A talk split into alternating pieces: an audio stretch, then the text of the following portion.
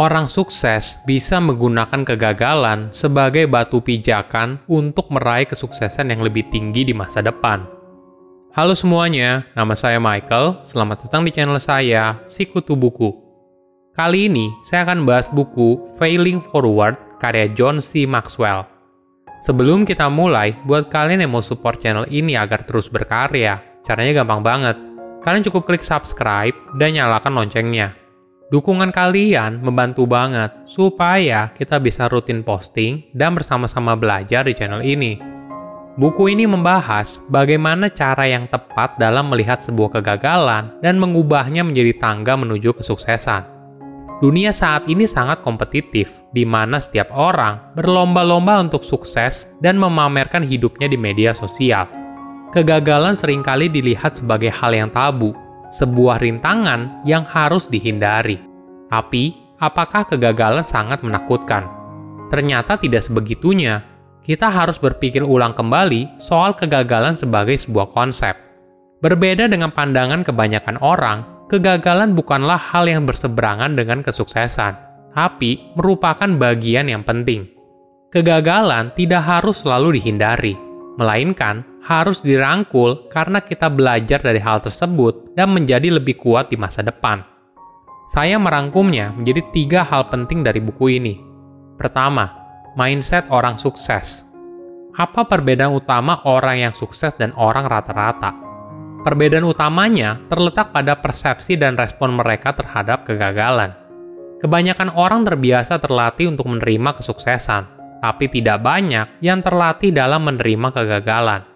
Perasaan kecewa atas impian atau harapan yang tidak tercapai merupakan bagian dari hidup. Hidup pada dasarnya punya banyak masalah. Namun pertanyaannya bukan apakah kamu punya masalah dalam hidup atau tidak, tapi bagaimana cara kamu menghadapinya. Banyak pengusaha sukses melihat kesuksesan mereka sebagai kemampuan untuk bertahan dari satu kegagalan ke kegagalan lainnya. Pengusaha sukses ini sadar, walaupun ternyata bisnis mereka gagal, tapi posisi mereka lebih baik daripada awal memulai. Tapi, jika pemikiran takut gagal yang membatasi diri mereka untuk memulai, maka mereka tidak akan bisa meraih apa pun. Ada kisah yang menarik. Pada tahun 1982, Coca-Cola meluncurkan varian Diet Coke dan langsung populer di pasaran. Maklum saja, sejak tahun 1970-an, konsumen mulai peduli soal kesehatan dan mengurangi gula harian mereka. Walaupun fakta ini berarti akan mengurangi penjualan dari Coca-Cola, namun di sisi lain memberikan Coca-Cola sebuah peluang untuk membuka pasar baru, yaitu untuk para konsumen yang mulai peka dengan kesehatan. Inilah yang membuat Diet Coke sangat sukses di pasaran. Kesuksesan ini lalu membuat Coca-Cola menjadi semakin berani dan meluncurkan formula Coca-Cola yang baru yang diberi nama New Coke. Saat itu, mereka percaya kalau formula baru ini merupakan jawaban atas penjualan Coca-Cola yang terus menurun setiap tahun. Sayangnya, harapan ini tidak sesuai dengan kenyataan. Konsumen tidak suka dengan New Coke dan Coca-Cola mengalami kerugian hingga 100 juta dolar. Kegagalan ini lalu membuat Coca-Cola sadar apa yang konsumen sukai. Dengan sigap, Coca-Cola lalu memperkenalkan varian Coca-Cola klasik ini merupakan titik balik dari kegagalan sebelumnya dan konsumen sangat menyukainya. Dari kisah ini, kita belajar kalau tidak selamanya kita akan selalu benar. Yang jauh lebih penting bukanlah soal kegagalan itu sendiri, tapi bagaimana sikap kita ketika menghadapi kegagalan. Apakah kita berhenti atau menggunakan kegagalan ini sebagai tangga untuk menuju kesuksesan yang lebih tinggi? Kedua, perspektif lain soal kegagalan ada pertanyaan yang menarik. Bagaimana bila kegagalan yang kita alami merupakan hasil yang berada di luar kontrol diri? Jika hal itu terjadi, usahakan jangan menyalahkan dirimu sendiri, tapi kamu harus bertanggung jawab untuk mencari solusi terbaiknya. John memberikan contoh dari kisah Greg Horn. Dia merupakan pengusaha supermarket yang hancur pada tahun 1997 saat banjir di Kentucky. Greg sudah berusaha mengasuransikan hampir semua tipe kerusakan atau pencurian yang mungkin terjadi. Namun sayangnya, kecuali kerusakan akibat banjir. Tentu saja banjir berada di luar kontrol Greg. Namun keyakinannya tidak goyah atas kondisi yang tidak bersahabat. Alih-alih menyerah, Greg mengambil tanggung jawab atas situasi yang menimpanya dan berusaha untuk memperbaiki tokonya secepat mungkin. Perbaikan ini memakan biaya hingga 1 juta dolar, tapi Greg bisa membuka tokonya kembali hanya dalam waktu 21 hari setelah peristiwa banjir. Ketika hidup tidak sesuai dengan harapan kita, apa yang akan kita lakukan? Apakah kita menghabiskan waktu untuk mengeluh dan menyalahkan diri sendiri, atau apakah kita bertanggung jawab dan mencari solusi terbaik? Pilihan ini akan menentukan masa depan kita. Kita sering mendengar kalau kegagalan hanya akan berdampak buruk dan harus dihindari sebisa mungkin. Namun, jika kita tidak pernah gagal, apakah kita akan bisa menemukan peluang baru? Perlu dipahami, kegagalan tidak bisa dihindari. Setiap orang pasti akan merasakan kegagalan. Pertanyaannya hanya kapan namun kegagalan itu bukanlah sebuah kejadian yang memalukan, tapi sebuah proses pembelajaran karena sukses sendiri bukan merupakan tujuan, tapi juga sebuah proses. Perspektif lain yang menarik yaitu sering kali orang melihat kegagalan dengan subjektif.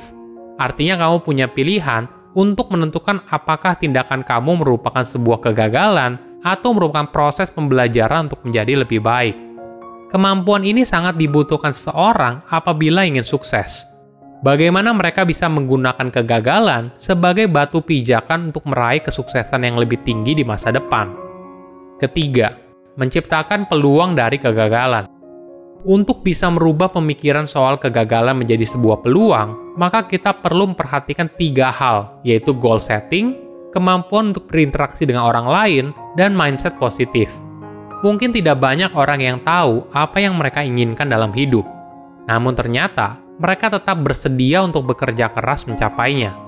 Salah satu rahasia sukses yaitu bagaimana kau bisa mengarahkan energi untuk berubah menjadi tujuan yang jelas. Jadi, daripada kamu sibuk mengeluh pekerjaan yang terlalu banyak, buat tujuan yang bisa membuat kamu memiliki kehidupan yang lebih seimbang. Misalnya, kamu menyisihkan uang untuk diinvestasikan atau dibuat bisnis, sehingga kamu bisa mencapai kebebasan keuangan. Dengan tujuan yang jelas, maka hidup kamu akan lebih terarah. Selain itu, kamu jadi punya fokus dalam hidup. Poin kedua yang penting yaitu kemampuan untuk berinteraksi dengan orang lain. Saat ini, mayoritas pekerjaan membutuhkan kolaborasi dengan orang lain. Kita tidak bisa hanya bekerja sendiri, namun untuk meraih kesuksesan yang besar, kita perlu berinteraksi dengan orang lain. Kamu bisa mengasah kemampuan komunikasi dan negosiasi agar kamu bisa memenangkan hati orang sekitarmu atau membuka peluang baru di masa depan. Poin ketiga yaitu positive mindset atau pola pikir positif. Ada sebuah anekdot yang menarik. Dua orang narapidana melihat keluar jeruji besi penjara. Orang pertama hanya melihat lumpur, sedangkan orang kedua melihat bintang-bintang yang ada di langit. Situasi yang sama akan berbeda apabila kita memiliki pola pikir yang berbeda. Kegagalan adalah harga yang harus kita bayar untuk meraih kesuksesan. Ketika orang sukses gagal, mereka melihatnya sebagai batu pijakan untuk meraih kesuksesan yang lebih besar di masa depan. Silahkan komen di kolom komentar pelajaran apa yang kalian dapat ketika baca buku ini. Selain itu, komen juga mau buku apa lagi yang saya review di video berikutnya. Saya undur diri, jangan lupa subscribe channel YouTube Sikutu Buku. Bye bye.